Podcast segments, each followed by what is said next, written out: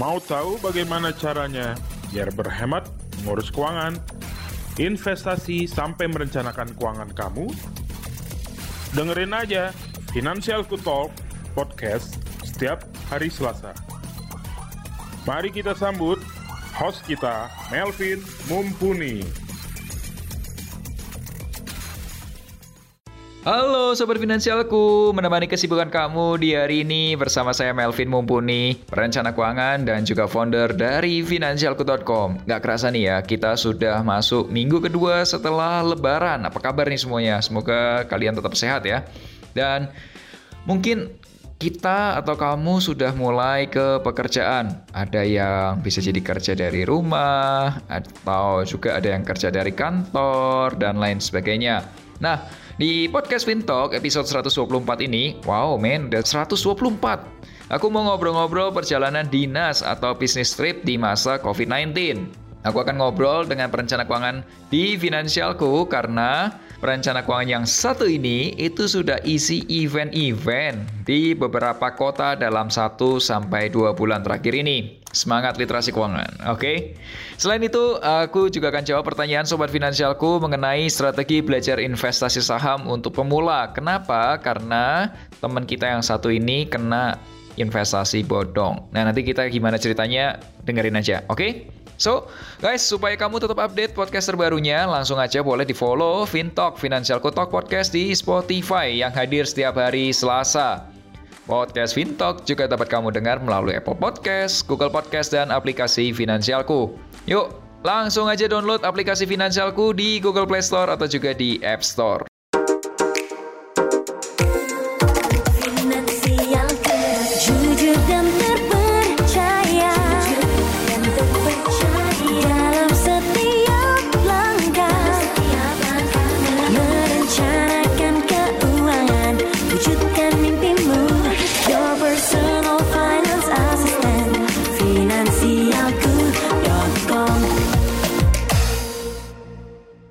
Sebelum bahas lebih detail, Sobat Finansialku, kamu juga dapat mengirimkan pertanyaan atau boleh curhat juga melalui fitur konsultasi keuangan di aplikasi Finansialku. Dan kasih juga hashtagnya, hashtag curhat keuangan. Salah satu pertanyaan yang masuk kali ini adalah, kok saya T dari Kalimantan Timur? Tahun lalu nih ya, saya kehilangan uang karena terkena investasi bodong saya ikut program robot-robot trading gitu kok dan ternyata yang punya malah kabur bawa lari uang saya. Anyway teman-teman, yang bersangkutan teman kita itu juga sebut namanya, tapi mohon maaf aku nggak sebutkan namanya di sini. Tapi intinya penipuannya itu pakai modusnya robot-robot trading gitulah ya. Kita lanjut. Saya marah sekali sama diri saya sendiri, kenapa kok bisa percaya sama program-program yang begituan. Nah, saya memutuskan untuk mau belajar saham saja sendiri. Saran Koko mulai dari mana ya? Oke, yuk langsung aja kita jawab pertanyaan kamu. Hashtagnya, let me share my view. Hai Kak T, thank you juga udah dengerin dan curhati podcastnya FinTalk, Financial Talk Podcast. Kak T, saya juga turut menyesalkan kejadian yang menimpa Kak T. Jadi teman-teman, Sobat finansialku, sekarang ini orang itu makin banyak yang susah cari kerja, susah cari uang. Dan jadinya kebanyakan orang itu inginnya mendapatkan uang dengan cara mudah atau kita sebutnya easy money. Ya, makanya jangan heran nih kalau banyak penawaran investasi bodong termasuk di grup-grup Telegram. Kita pun di finansialku sudah ampun udah bikin 100 uh, laporan. Tim legal kita sudah melaporkan lebih dari 100 akun bodong. Gila nggak? Dan itu nggak stop, nggak berhenti. Makanya sampai kalau kamu cek ya, di telegramnya Finansialku pun sudah ada verified untuk membuktikan atau membedakan mana yang benar, mana yang bodong. Gila kan? Parah, parah. Nah, menurut data yang disampaikan oleh Satgas Investasi Bodong OJK, ternyata total jumlah investasi bodong dalam 10 tahun terakhir itu jumlahnya mencapai 115 triliun rupiah. Gila nggak orang Indonesia kayaknya sebesar itu loh ya. Nah, Anyway, kembali ke topiknya Kak T. Aku setuju loh kalau Kak T ini berpikir positif dan aku akan membantu orang-orang yang berpikir positif karena kalau misal marah, nyalain orang lain gak akan solusi juga kan ya. Nah, katanya aku coba cerita sekilas mengenai perjalananku belajar saham. Siapa tahu cara yang sama bisa kamu copy paste dan bisa mendapatkan hasil yang gelap dan bisa mendapatkan hasil yang jauh lebih bagus daripada aku. Awalnya aku tuh belajar saham tuh iseng-iseng aja dan ikut rekomendasi sana sini. Itu di tahun 2011 2012 lah. Akhirnya ya rugi besar lah. Ya, kemudian aku mulai belajar dari buku-buku, khususnya cara menganalisa sebuah perusahaan, karena menurutku ini lebih gampang buat aku. Nah, kemudian aku ketemu sama orang-orang yang berpengalaman. Contohnya ada Korifan, Korifan Kurniawan, ada juga Aris Darmawan, ada juga Mario, dan itu jadi co-foundernya finansialku juga. Nah, aku banyak tukar pendapat karena mereka juga praktisi di industri keuangan, khususnya di saham. Nah, keempat, konsepnya aku belajar teori, praktekin, dan diskusiin sama teman-teman. Kemudian ulangi lagi. Belajar, praktek, diskusi. Belajar, praktek, diskusi. Belajar, praktek, dan diskusi. Itu aja, diulang-ulang terus. Nah, waktu berjalan, skill kita nambah, caranya kita nganalisis makin tajam, caranya ngitung nilai perusahaan atau valuasi makin jago, intuisinya kita pun makin terasa tajam. Dari situ baru bisa dapat profit yang cukup konsisten. Nah, saranku nih KT mulai aja belajar dulu ya. Praktekin, kode join di komunitas atau grup belajar yang isinya benar-benar orang yang mau belajar saham. Kalau belajarnya rame-rame biasanya lebih seru dan infonya bisa lebih banyak. Gitu. Semoga bisa terbantu ya. Oke, buat sobat finansialku, para pendengar podcast Fintalk, jika kalian mengalami kekalauan mengenai keuangan, investasi, atau apa pun itu, langsung aja boleh curhat ke podcastnya Finansialku. Caranya gampang banget, guys. Pertama, kamu download dulu aplikasi Finansialku di Google Play Store untuk kamu yang pakai Android atau di App Store untuk kamu yang pakai iOS. Kemudian klik menu konsultasi keuangan. Kasih hashtagnya curhat keuangan supaya aku bisa bedain mana yang boleh dinaikin podcast, mana yang langsung jawab aja. Oke? Okay? So, Follow juga akun Instagram at dan at melvin underscore supaya kamu dapat informasi keuangan yang lebih banyak lagi. Dan guys, seperti biasa di programku ada juga namanya program YouTube channel Melek Finansial bersama Melvin Mumpuni dan videonya tayang setiap hari Rabu dan besok. Yes, di episode besok aku cerita tentang masih ngobrolin tentang dana ritual atau pensiun. Jadi, aku akan cerita tentang investasi saham, reksadana, peer-to-peer lending untuk dana pensiun. Supaya tetap update, subscribe YouTube channel Finansialku dan nyalakan notifikasinya. Yuk, langsung aja kita bahas diskusi kita hari ini ngobrolin tentang perjalanan dinas atau bisnis trip di masa COVID-19 bersama Rista Swestika.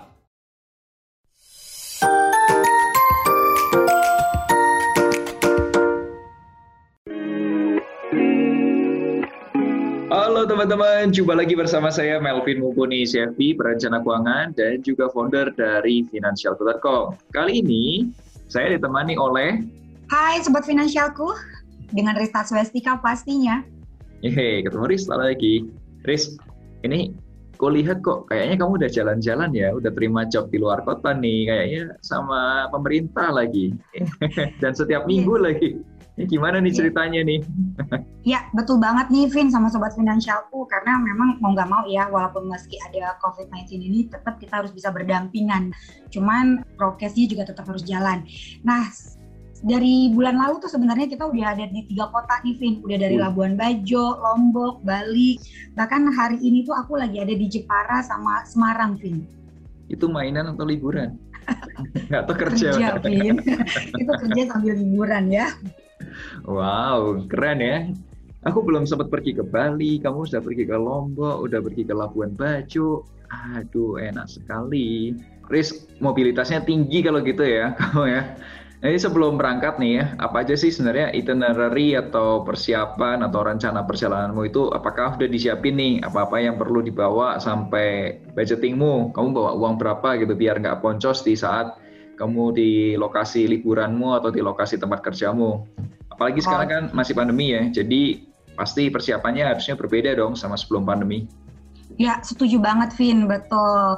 Dengan ada pandemi ini, pergian itu nggak bisa seenak-enaknya. Ada protokol kesehatan yang tetap harus dijaga.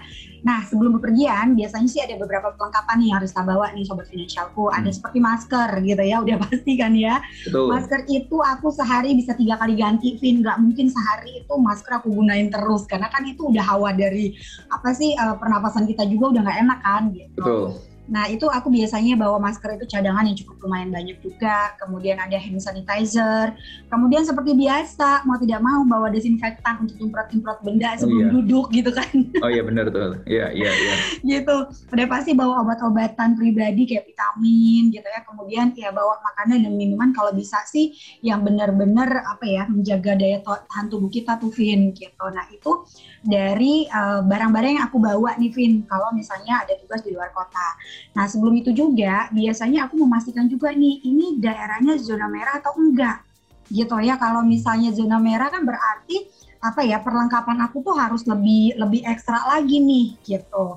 Nah kemudian aku harus tahu dulu nih lokasinya itu rame atau enggak. Biasanya aku kalau misalnya tugas sama apa misalnya partner gitu ya, biasanya aku suka tanya-tanya juga tuh itu.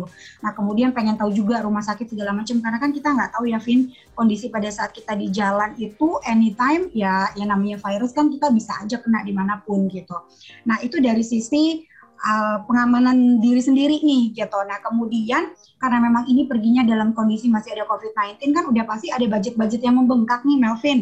Hmm sama sobat finansialku mau tidak mau kalau misalnya pakai pesawat ataupun itu kendaraan transportasi umum kan harus ada namanya swab antigen atau PCR hmm. gitu kan. Hmm. Nah ini juga biaya nih di mana kalau misalnya swab antigen itu hanya berlaku satu kali 24 jam. Kalau PCR itu dua kali 24 jam gitu. Oh, iya? Kalau misalnya, hmm, betul. PCR itu cuma dua hari doang? Iya, dua kali 24 jam aja gitu. Jadi kalau misalnya kita mau pulang pergi udah otomatis kan ini budget juga nih biaya nih Vin. Kita harus murah antigen dong berarti. Yes, murah antigen betul. Oh, aku baru tahu loh kalau PCR tuh cuma berlaku cuma dua hari loh. Setauku bisa lebih ya. Ternyata cuma dua ya, hari. Iya, sekarang itu udah udah diperketat lagi gitu. Jadi cuma hanya 2 kali 24 jam. Dan biayanya juga betul kata Melvin tadi nih sobat finansialku lebih murah sih uh, swab antigen gitu ya. Kenapa? Karena dia kisaran dari harga 150.000 sampai di 700.000 paling mahal. Sedangkan kalau PCR itu mulai dari satu setengah sampai kurang lebih ada juga sih saatnya masih dua setengah sampai tiga jutaan ya. Oke. Eh Riz, kalau mm -hmm. lu lagi jalan-jalan kayak gini nih untuk tugas kantor gitu, lu bawa kartu kredit untuk apa namanya untuk jaga-jaga ada pengeluaran, sistem reimbursement atau pakai mm-hmm. cash dulu gitu. Nah, ini biasanya sih aku selalu pastikan dulu nih dengan tim gitu ya ini modelnya seperti apa? Dari transportasinya gitu ya akomodasi segala macam ini kita yang tanggung dulu atau semuanya sudah ditanggung sama partner gitu ya. Nah kalau semuanya sudah ditanggung sama partner kan lebih enak nih Vin gitu hmm. kan. Hmm. tapi hmm. masalahnya adalah kadang ada juga yang gini berangkat aja dulu. Nanti semua setelah acara selesai itu modelnya dirembes. Nah kalau seperti ini kan mau nggak mau ketika kita mau tugas gitu ya harus siap biaya. Betul ya Vin? Betul betul betul. Nah kira-kira kalau misalnya kita nggak nggak ada biayanya terus kita nggak jalan gitu, Vin. Iya, nggak gitu juga sih. Itu nggak solusi kan. Ya cari cari cara lah. Mm. Oke, okay, nah. nah biasanya gini nih kan kalau misalnya uh, tadi ya kalau misalnya kita udah harus berangkat tapi ternyata itu modelnya sistemnya reimburse. Nah ini juga pusing nih kalau misalnya ternyata kita lagi budgetnya nggak ada. Makanya penting juga sih sobat finansial itu kita melakukan perencanaan budgeting kalau memang sudah udah apa ya udah kelihatan nih kebiasaannya bahwa oh, oke okay, dalam setiap bulan tuh kita pasti ada traveling bisnis gitu kan ya dua atau tiga kali gitu nah itu dananya itu harusnya udah disiapin nah tapi sebenarnya ada yang cara yang paling simpel sih sebenarnya tanpa mengganggu cash flow nih Oh, Oke, okay. apa itu? nih contohnya nih sobat finansial itu bisa pakai yang namanya Traveloka Pay Letter Card. Udah pernah dengar belum? Uh, pernah dengar tapi belum detail karena aku belum pakai. Oke, nah ini sih sebenarnya sangat memudahkan kita nih yang memang kerjanya traveling, traveling bisnis gitu ya, bukan hanya untuk liburan aja, tapi apalagi untuk bisnis nih. Nah buat sobat finansialku yang memang dari kantornya atau partnernya yang melakukan perjalanan bisnis modelnya dengan reimburse tanpa harus mengganggu cash flow kita, teman-teman tuh bisa gunakan yang namanya Traveloka Pay Later Card gitu. Hmm. Kita bisa melakukan pembelian nggak cuma hanya di Traveloka aja, tapi juga merchant yang ada logo visanya. Oke. Okay. Udah bayang belum nih? Bisa, bisa, bisa. Oke, itu bentuknya itu kayak kartu kredit atau gimana sih itu maksudnya? Yes, betul. Jadi misalkan keperluan untuk meeting sama klien di restoran, nih bayarnya bisa pakai pay letter card sambil nunggu reimburse dari kantor. Nah, jadi uh, teman-teman itu pokoknya simple banget deh pokoknya gitu dengan menggunakan Traveloka pay letter card ini. Teman-teman yang tadinya nggak punya budget untuk memang harus dinas keluar, ini tetap bisa jalan, kemudian kamu bisa tetap misalnya kalau memang ada harus terakhir orang gitu ya, kemudian harus makan bareng sama klien, tanpa harus malu, tanpa harus repot, bisa digunakan ini, kemudian pas pulang uh, rembesnya keluar maka bisa langsung dibayarin. Gitu. Oh jadi itu cuma untuk kayak nalangin dulu gitu ya, nalangin dulu yes. sebelum reimburse-nya duitnya keluar gitu ya? Yes, betul. Nah, selain itu juga gini nih, aku tuh suka pakai ini kenapa? Karena banyak promo biasa ya perempuan ya, Vin. Oke, okay, promonya kamu pakai frame yes. ke kantor ya. Betul, promo-promonya gitu ya. Ini aku shout out nih orang keuangan kita supaya tahu. ya. Jadi teman-teman itu bisa pakai namanya Payletter Card. Boleh uh, dicek deh di description atau langsung cek di aplikasi Traveloka, kemudian klik ongoing promos dan pilih Payletter Promos untuk melihat promo apa aja sih yang ada saat ini kan lumayan dananya bisa dialihkan ke tempat lain gitu. Tapi ingat, pembayarannya jangan di bawah minimum. Kalau misalnya rembesnya udah keluar langsung dibayarin, jadi kita nggak pusing gitu. Oke, itu itu yang lu lakuin juga ya. Jadi sebelum berangkat uh, biasanya lu ada ngajuin budget, kalau udah lu berangkat pulangnya, kalau udah bayar-bayar itu pakai pakai bukti struknya semua itu kalau udah itu nanti dibayarin langsung untuk pay itu ya. Yes, betul gitu ya. Jadi Smart. bisnis trip jalan, liburan jalan gitu ya, tapi nggak menguras kantong, nggak bikin stres. Yang penting sih? tadi, hmm, gimana? Ada potongan gitu nggak sih? Ada potongan kan tadi dibilang banyak promo-promonya, makanya langsung aja cek dong gitu ya di aplikasinya Traveloka. Oke.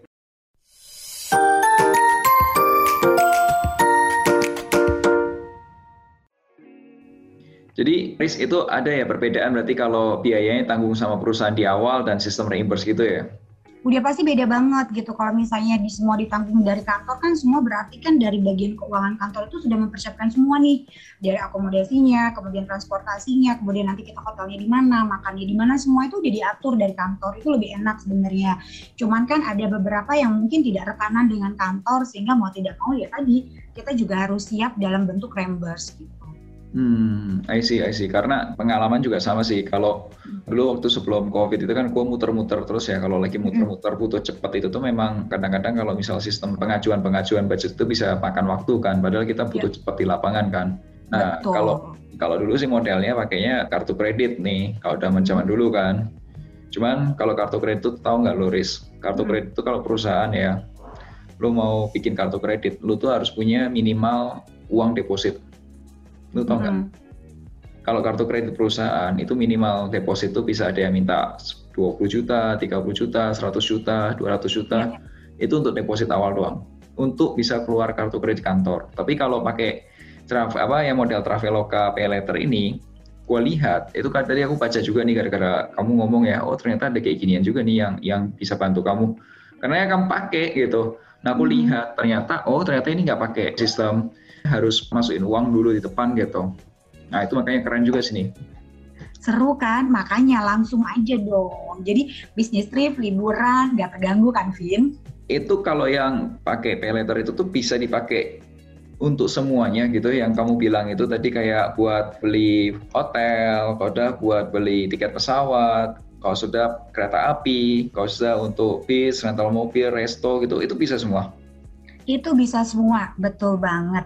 Riz nih gimana caranya ya kalau dari kamu sendiri nih menggunakan kartu kredit atau pakai model pay later gini supaya ini benar-benar bisa jadi solusi yang nggak bikin masalah baru lagi. Jadi biar nggak terjerat utang loh. Nah kalau kamu sendiri gimana cara pakainya? Oke, okay.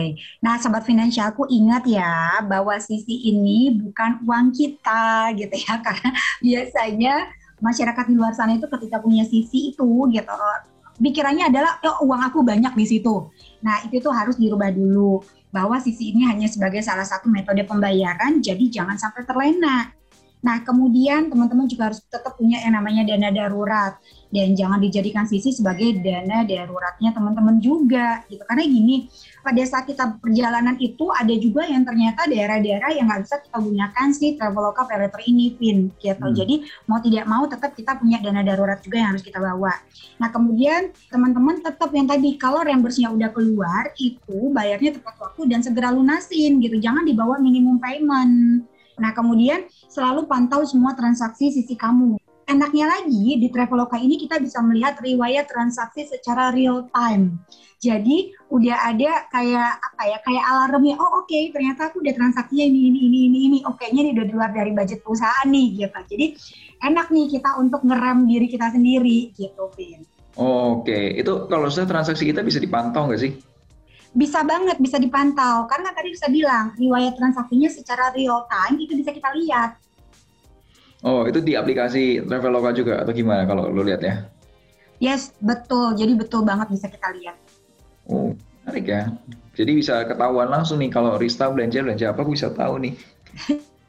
yes, betul banget. Jadi udah kayak alarm ya gitu. Jadi oh ternyata budget dari kantorku cuma sekian. Eh aku udah udah mau deketin sini. Oh, Oke aku udah nggak bisa pakai lagi nih gitu. Hmm, menarik, menarik. Nanti itu kayak tahu orang keuangan supaya ngecekin. Riz, itu kan tadi ngobrolin tentang pakai ini ya kartu kredit atau hmm. kayak model pay letter gitu untuk kebutuhan pribadi atau dipakai untuk kamu sendiri pribadi tapi untuk kebutuhan atau keperluan bisnis. Nah, yeah. lanjut nih tentang perjalanan bisnis sendiri kan. Sekarang ini kan masih pandemi, ada juga budget tambahan. Nah, kira-kira kalau kamu budget tambahannya ke mana aja, Riz? Budget tambahan tadi tuh banyaknya sih memang ini ya di kayak vitamin-vitamin gitu Vin gitu. Jadi mau tidak mau walaupun disiapin dari kantor ataupun disiapin dari tempat hotel ataupun partner gitu ya tetap aja yang namanya COVID-19 ini bikin orang tuh jadi parno Vin gitu ya. Jadi kayaknya udah deh lebih enak tuh bawa sendiri dari rumah karena aku tahu belinya aku tahu tempatnya dan kayaknya aku merasa lebih aman dan nyaman aja tuh Vin gitu. Hmm. jadi contoh kayak vitamin kayak madu-madu aku juga nggak bisa sembarangan beli gitu kan. Kemudian dari sisi makanan juga mau nggak mau pilih-pilih ya nggak bisa sembarangan benar, gitu. Nah, nah itu tuh yang kayak yang, yang membuat kita tuh jadi budgetnya itu jadi lebih gitu. Kadang ada juga nih dari perusahaan yang eh kamu budget makannya itu sehari sekian ya gitu. Tapi ternyata aduh kok di daerah itu tempat makan itu kok kayaknya nggak nggak memungkinkan deh dengan harga segitu gitu ya. Jadi aku harus up gitu. Nah itu tadi aku bisa gunakan yang lagi kita bahas hari ini. Ya itu. eh Riz, uh, aku mau ngobrol-ngobrol juga nih Riz kalau di pengalaman lu pribadi ya, lu pernah nggak sih lagi apa kerja atau lagi job di luar kota gitu, lagi bisnis trip tapi sakit?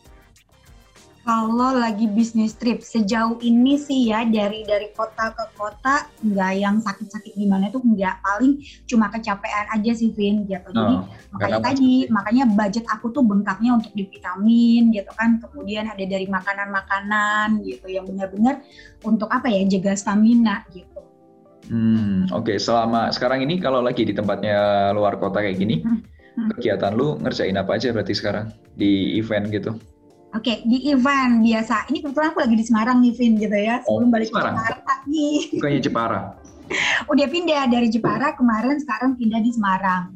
Oh. Apalagi pindah-pindah kota kayak gini kan, gitu ya. Jadi kesehatan tubuh tuh benar-benar harus stamina-nya 100% sehat walafiat nih gitu.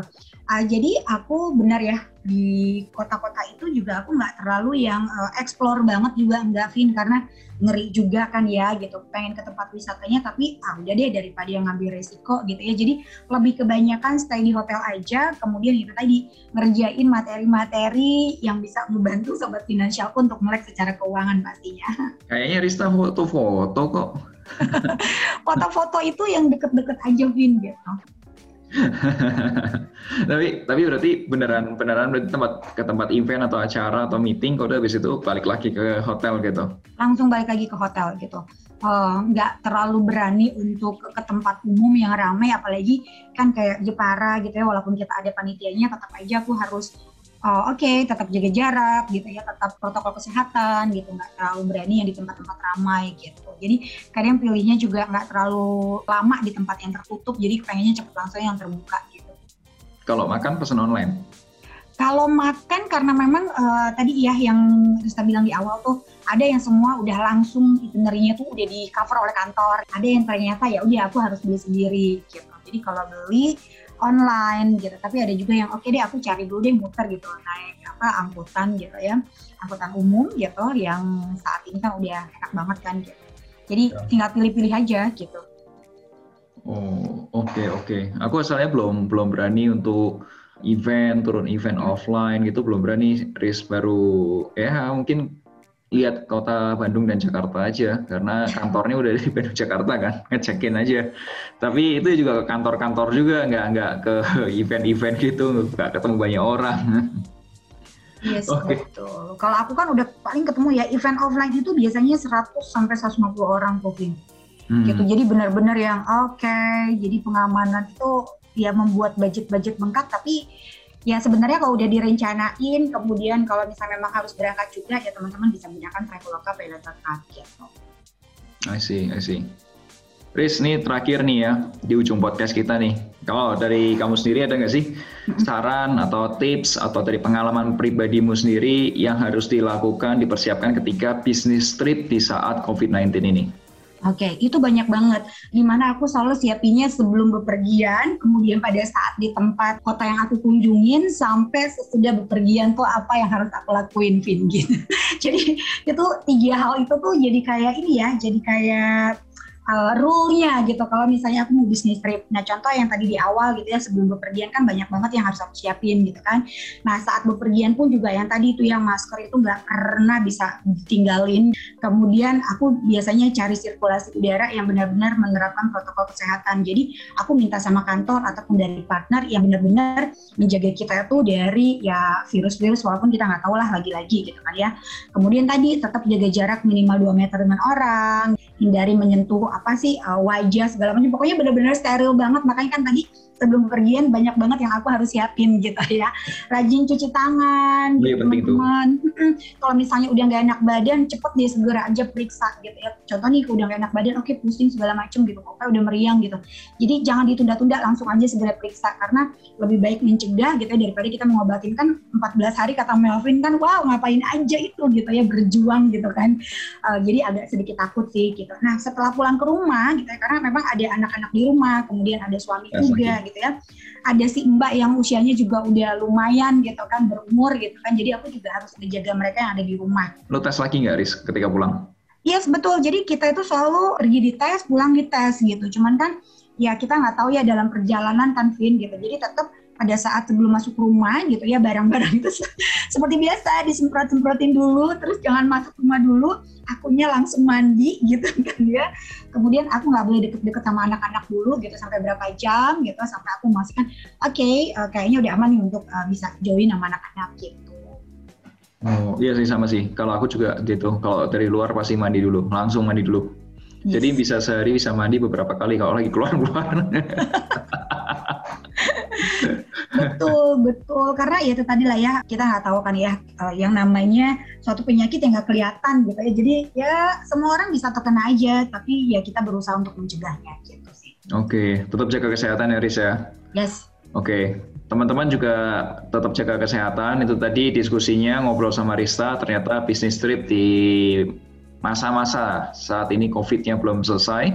Itu ya ada challenge tersendiri gitu. Nah, itu salah satunya yang kamu bisa concern atau bisa gunain caranya seperti cara yang dilakukan oleh Rista untuk jaga kesehatan, untuk jaga kondisi keuangannya juga. Kalau misal ini bisnis trip ada urusan kantor juga bisa kayak menggunakan pay letter. Ini cara menggunakan pay letter dengan cara produktif karena itu nggak ada nggak pakai utangnya, tapi itu untuk mm-hmm. bantu bayar di awal aja. Nah nanti ketika kantor reimburse atau sudah bayar reimburse-nya, uangnya bisa kamu pakai buat lunasin atau semua untuk bayar semua tagihan-tagihan peleter kamu. Ya kan ini kan dipakai buat kegiatan yang menghasilkan gitu. Oke okay, guys, thank you yang sudah dengerin podcastnya.